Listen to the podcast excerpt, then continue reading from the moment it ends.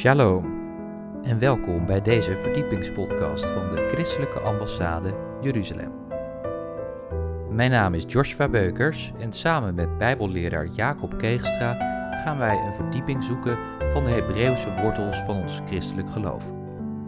In aflevering 116 gaan wij het hebben over de Heilige Geest en het vuur. Wij wensen u veel luisterplezier.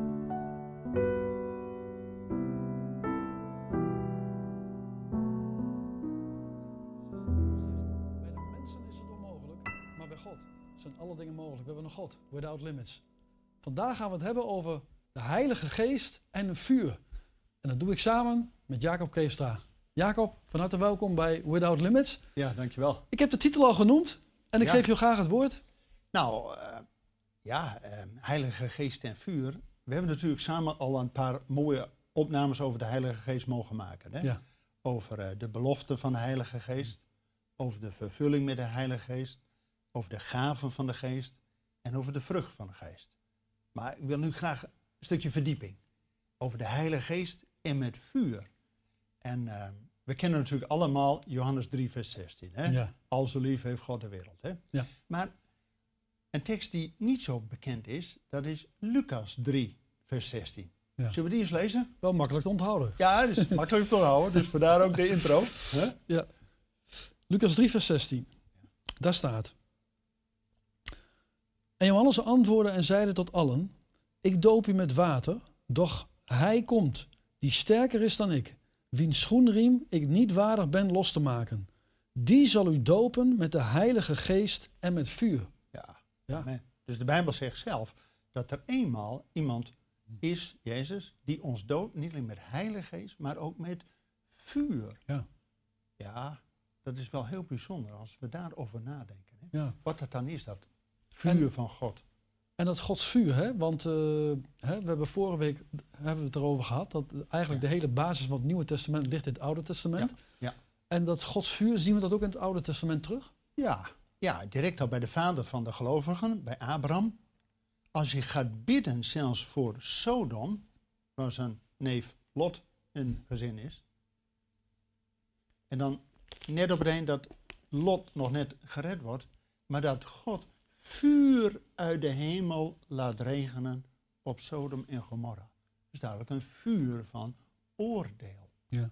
Nou, is toch niet niks dat dat vuur van God al daar aanwezig was. En dat zien we ook verder bij eh, Mozes. Als Mozes in de woestijn is en geroepen wordt door God, dan is er een ander vuur van God. Dat is dat de vuur van God in die braambos zichtbaar wordt, maar toch niet dat de braambos verteert. Ja. Is toch, nou, dus Mozes denkt, wat is dit? Ja, die dacht ik ga even kijken. Ja, dus dat was weer een andere gedaante van het vuur van God.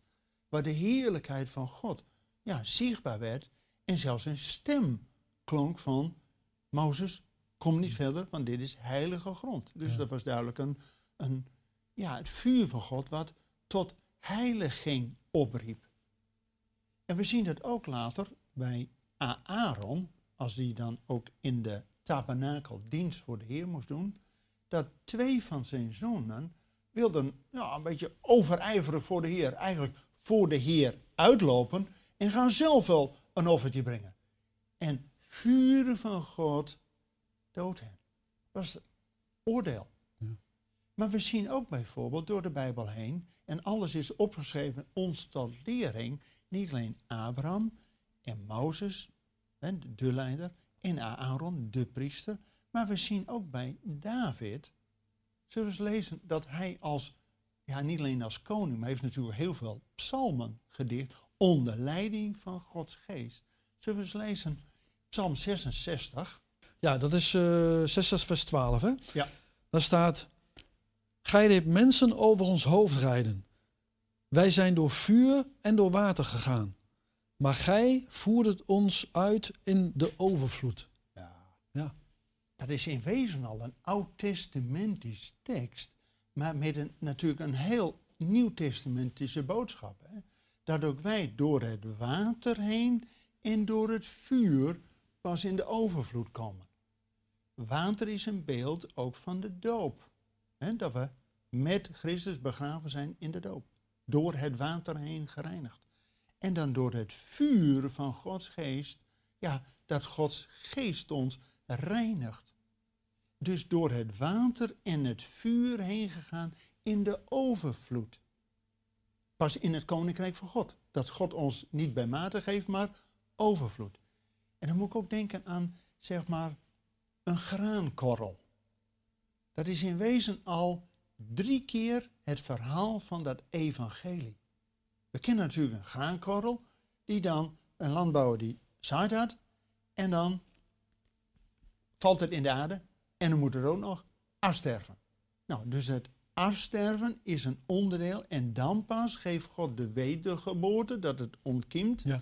En dan eerst tot een halm, dan de A, dan de volle koorden in de A. En dan de sikkel. En tegenwoordig de combine, hè, om het te maken. maar dan heb je dus één korrel gezaaid. En in Nederland eh, ben je blij als je tien aan het eind van het jaar weer hebt. Dus een boer moet nogal veel geloof hebben dat hij het zaan uh, uitstrooit. En dan is het kwijt. En dan sterft het ook nog af. En dan hoop je een beetje dat God die, ja, die overvloed geeft van het nieuwe graan. En dan heb je dat nieuwe graan aan het eind van het seizoen, maar dan ben je er nog niet. En dan, komt die, dan moet dat graan eerst nog gemalen worden, dus van zijn identiteit af. Dan moet het in water gekneden worden en dan in het vuur van de oven gebakken worden. Dus ook door het water heen en door het vuur heen. En dan heb je een brood. En dan ben je er nog niet, denk ik. En dan ben je er nog niet. Want dan, wij kunnen, oh, denken, oh, wij hebben daar een brood. Geweldig. Maar dan heb je nog niks aan. Je kunt nog verhongeren als daar het brood staat. Dan is het brood, moet je nemen, breken en eten. Ja. Dat is precies wat Jezus ook zegt. Neem het, breek het en eet het. Dan pas wordt het overvloedig, ja, dat Jezus ons deel wordt. Dus ook in dat graankorreltje wordt het helemaal eigenlijk als symbolisch voorbereid dat we door water en door het vuur heen gaan en dan pas in de overvloed van de koninkrijk van God. Mooi beeld. Dat staat natuurlijk al in Psalm 66. Dat die koning David als een beeld van die, die zoon van David die een keer ja, op die troon gaat zitten. Maar we zien dat ook bij een profeet. Een van de, de grootste profeten uit het Oude Testament, Elia. Ja, op de Karmel bedoel je. Ja, ja. Dat is natuurlijk het verhaal dat Elia hoeft maar één keer te bidden en er is drieënhalf jaar droogte. Is wat, hè? Ja. Ja. Ja. één gebed van een rechtvaardige vermag veel. Nou, één gebed van Elia, drieënhalf jaar droog, hè? De Heer was met hem. Ja, en dan na drieënhalf jaar verschijnt hij weer. En dan zegt Agab, oh jij bent diegene. Jij bent degene die Israël in het oog. Nee, zegt Elia, dat ben jij. Maar weet je wat? We gaan een wedstrijd doen. Jij met die uh, Baal-profeten en ik zal eh, een altaar voor de Heer bouwen. En de, en dan komt hij, de God die met vuur antwoordt, die zal God zijn. Ja. Nou, en die trommelt heel eh, Israël op naar die karmel. En die Baalpriesters zijn de hele dag druk. Je kent het verhaal. En dan tegen de tijd van het avondoffer. Hé, het avondoffer. Als God gaat spreken. Dus die profeet Elia wist wat de timing van God was. En ten tijde van het avondoffer zegt hij, kom bij mij. En hij laat ook nog zeven keer water erover. Water, hè, dus door het water heen. En hij hoeft maar één gebed te doen. Heer, en God antwoordt met vuur. En dat hele altaar, en, eh, eh, die stier maar helemaal eh, hè, verteerd en het water was eh, verdampt. En het volk zei, de Heer is God. Nou, dus met het vuur van God was er een bekering voor dat hele volk. En dat is nou ons gebed, dat ook deze uitzending, dat Jezus ons niet alleen met heilige geest, maar met vuur wil bekleden. Zoals het vuur bij Elia, dat, jongens, door één zo'n wonder een heel volk tot bekering Nou. Nou, is ja. toch geweldig? Absoluut. Is toch geweldig? Maar goed. En dat was het Oude Testament. Ja. Maar waar zien we Gods woord in- of Gods vuur in het Nieuwe Testament? Ja, dat is een goede vraag. We hebben natuurlijk net die tekst gelezen van eh, dat Johannes de Doper, hè, Lucas 3, eh, vers 14, dat Jezus zal komen en die zal dopen met heilige geest en met Vuur. vuur. Ja. Amen. Zullen we nou eens kijken hoe dat bij Jezus was? En dat lezen we in ehm, het Nieuwe Testament, Lucas 4, vers 1. Ja, dat gaat over de verzoeking in de woestijn. En daar staat in vers 1: Jezus nu, vol van de Heilige Geest, keerde terug naar, van de Jordaan en werd door de Geest geleid in de woestijn, waar hij veertig dagen verzocht werd door de duivel. Amen. Ja, maar even, even nadruk. Vol van de geest ging hij de woestijn in. Ja, Dus hij was net door Johannes gedoopt door het water heen. ja, Hè? En dan de stem uit de hoge die zegt, dit is mijn zoon, mijn geliefde, in wie ik een welmagen heb. ja. En God bevestigde dat met de doop in de geest, dat die, die duif Ja. op Jezus kwam als een teken van heilige geest. Dus Ja. ook Jezus door water en door geest heen. En Johannes zegt al, dat zal, en hij zal dopen met heilige geest en met vuur. ja. Nou, en Jezus ging dus toen hij vervuld werd met de geest, vol van de geest, ging hij de woestijn in. Dat hebben we Ja. net gelezen. Ja. Nou, dan heb je die 40 dagen, 40 is een periode, en dan heet je die drie beproevingen van de tegenstander. ja En dan zegt Jezus niet van, hey, eh, hallo daar, eh, ik ben eh, Jezus, de Zoon van God, en pssst, buigen voor mij. Ja. Zegt helemaal niet. Jezus antwoordt drie keer toe, er staat geschreven. Ja, hij refereerde aan het woord van God. Hij zelf het levende woord, maar hij refereerde iedere keer, er staat geschreven. Ja, En dan, na drie keer, geeft de duivel op. En dan komen de engelen en dienen Jezus. En nou moet je eens kijken hoe Jezus die woestijn uitgaat. Dat lezen we in hetzelfde hoofdstuk, Lucas 4, en vers 14. ja, dan staat er. En Jezus keerde terug in de kracht des geestes, terug naar Galilea. Ja. Jezus keerde in de kracht des geestes terug naar Galilea. Dus eerst was hij vol van de geest Ja, gaat hij de woestijn in? en hij kwam terug in de kracht van de geest. Ja, en dat is goed om even bij stil te staan. Dus vol van de geest ging Jezus de verzoeking in. Wij willen ook zo vaak, hè? Vervuld worden met Gods geest. O Heer, meer van uw geest. Ik weet nog dat ik in de tijd heel vaak naar eh conferentiecentrum De Bron ging. Waren allemaal eh conferenties over de Heilige Geest. Oh, en dan vervuld worden met Gods geest. Amen. maar, maar nou komt hij. Daarna ga je de wereld in met zijn beproevingen. Ja. En Jezus kwam die beproeving te boven en keerde in de kracht van de geest ging hij naar Bethlehem, eh, naar Nazareth. En toen pas ging hij in de bediening. Ja. Toen pas, dat is zijn discipelen en zijn hè, drieënhalf jaar en, en alles. Met andere woorden, Jezus ging vol van de geest de woestijn in. Maar door de beproeving bleek, of als het vuur van de geest niet gedoofd was, maar dat hij door de kracht van de geest zijn bediening in kon gaan. En dat missen wij wel eens als gelovigen. We willen iedere keer vervuld worden van de Gods geest, maar als het dan wat moeilijk wordt en we getest worden in het leven, wordt dan de geest gedoofd of blijkt dan de, ja, het vuur van de geest tot een krachtbron voor ons te zijn? Ja. Want Jezus liet het vuur van de geest niet doven, maar werd tot een krachtbron en in de kracht van de geest ging hij zijn bediening aan. Ja. Betekent dat ook wij, als er wat gebeurt in het leven, niet bang hoeven te zijn, maar als we vervuld zijn met Gods geest, dat we dat vuur van de geest niet uitdoven, maar dat daardoor de beproefdheid van ons geloof blijkt, zodat we voortgaan niet van zwakheid tot van zwakheid, maar van kracht tot kracht. En zo ging Jezus ook in de kracht van de geest, niet door eigen kracht, maar door de kracht van de geest zijn bediening in. Mooi. Heel mooi. Ah, dat is wel, dat vind ik een Ja. hele diepe les. Ik bedoel, ook voor mezelf. Ik mag het tegen jou zeggen, maar het is natuurlijk net zo goed voor jezelf. Hè? Van, eh, ja, als wij eh, door allerlei dingen in het leven, dat we de geest van God niet bedroeven. Maar dat daardoor de beproefdheid van ons geloof, Romeinen 5, hè, als we door het geloof kinderen van God zijn, ja, maar dan komt volharding en geduld en al die gaven die we nodig hebben, zodat die beproefdheid volkomen doorweegt en wij volkomen worden. En daarmee dus ook dat de volheid van een geest door ons heen kan werken en een krachtbron wordt, zodat anderen tot geloof komen. Ja, Ja, mooi. want vervulling Ja. is vooral voor onszelf. Heer, Heer, vul mij. Maar de kracht van de geest laat zien dat het ook effect heeft voor een ander. Ja. Dus, eh, dat vind ik bijzonder. En hoe wordt het zichtbaar dat de kracht van de geest in ons werkt? Ja.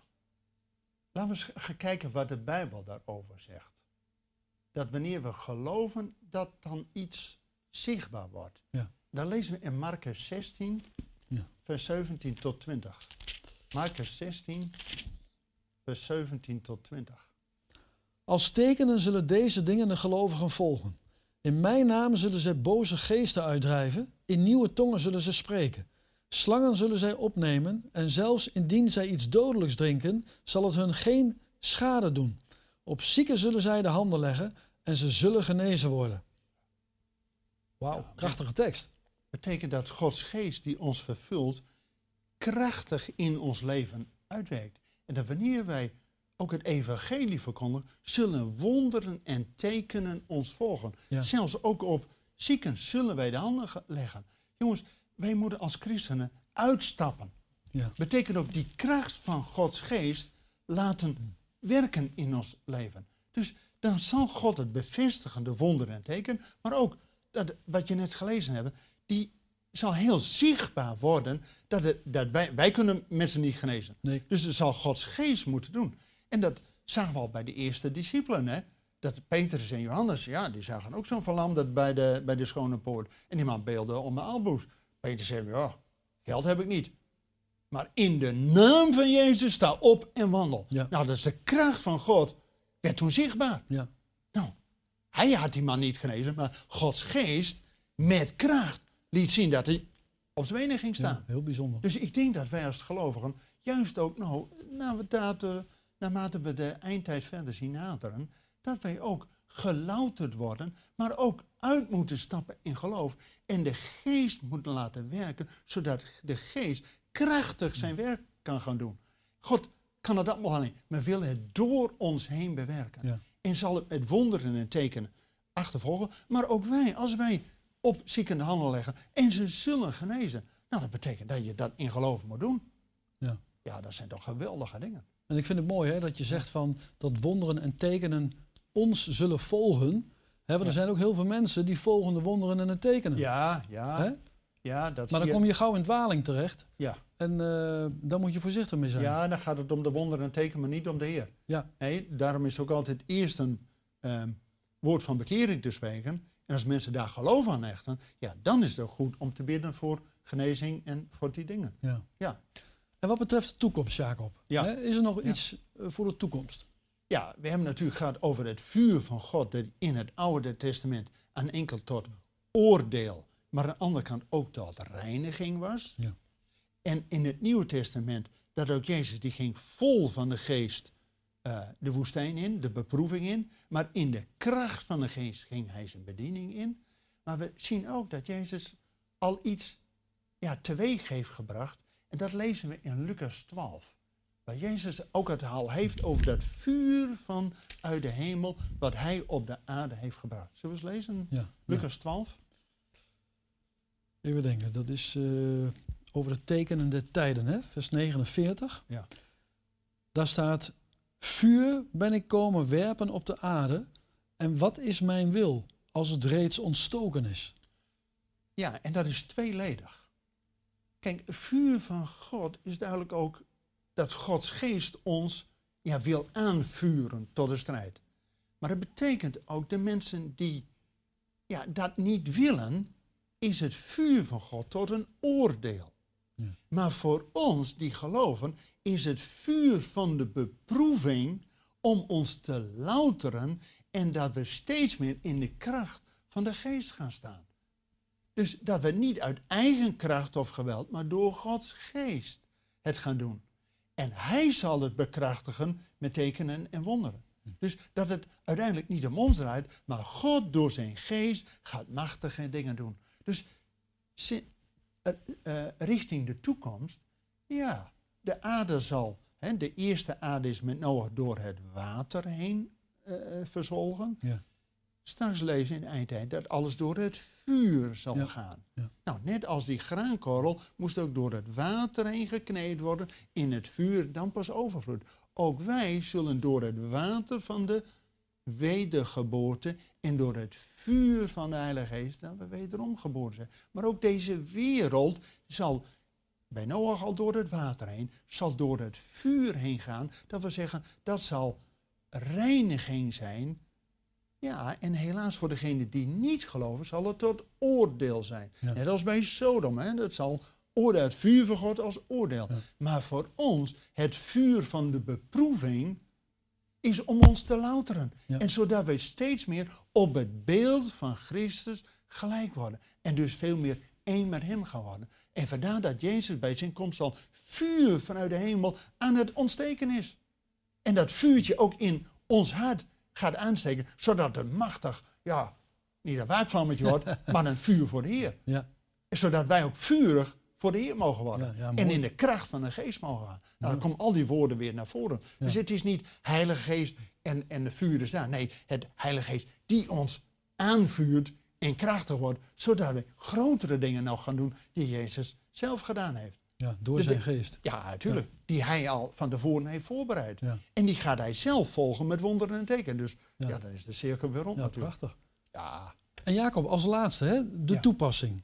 Hoe kunnen wij in vuur en vlam staan voor de Heer Jezus?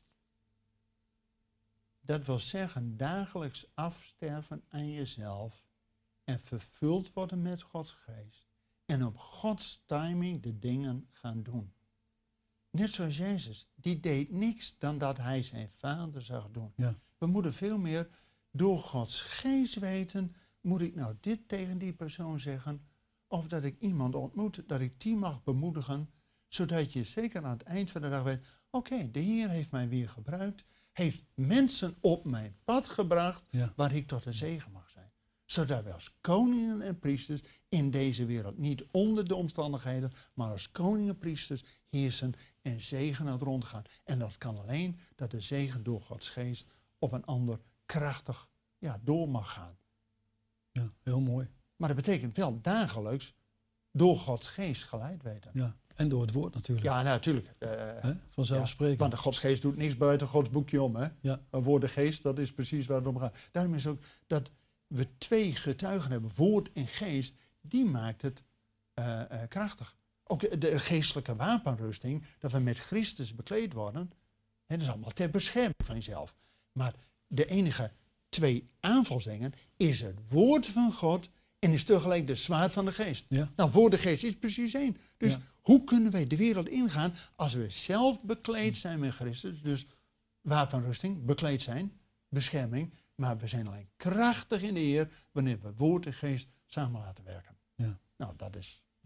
Maar dat betekent een voortdurend afstemming. Ja, en dus ook een afsterven aan jezelf, zodat we Gods geest de ruimte Ja. geven. Ja, want we moeten keuzes maken. Hè? Ja. Eh, kijken we naar eh, goede tijden, slechte tijden. ja, dan heb je een andere. Of verdiepen wij ons in Gods woord? Hè? Waar zijn we dagelijks mee bezig? Vooral in onze, onze vrije tijd natuurlijk. Hè? Kiezen wij ervoor om met de dingen van God bezig te zijn? Hè? Om zijn wil te zoeken? Hè? Zodat we dienstbaar kunnen zijn en een zegen kunnen zijn tot anderen.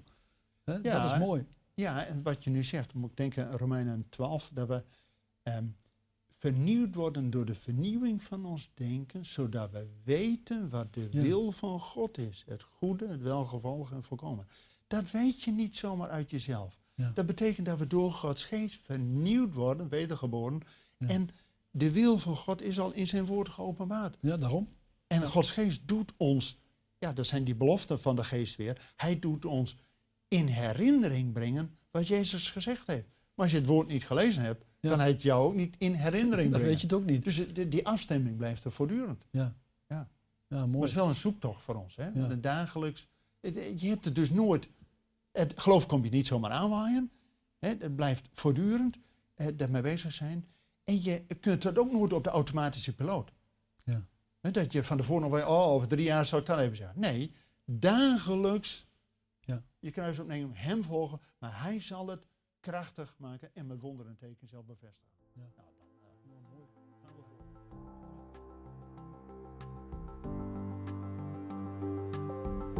Bedankt voor het luisteren naar deze verdiepingspodcast van de ICEJ. Waardeert u onze podcast? Steun ons dan met een donatie of ga naar onze website icej.nl. Volgende week gaan wij verder met de Bijbelserie Zicht op Romeinen. Uit Romeinen 11, geënt op de edele olijf. Ik hoop dan dat u wederom naar ons gaat luisteren. Bedankt voor het luisteren en tot volgende week.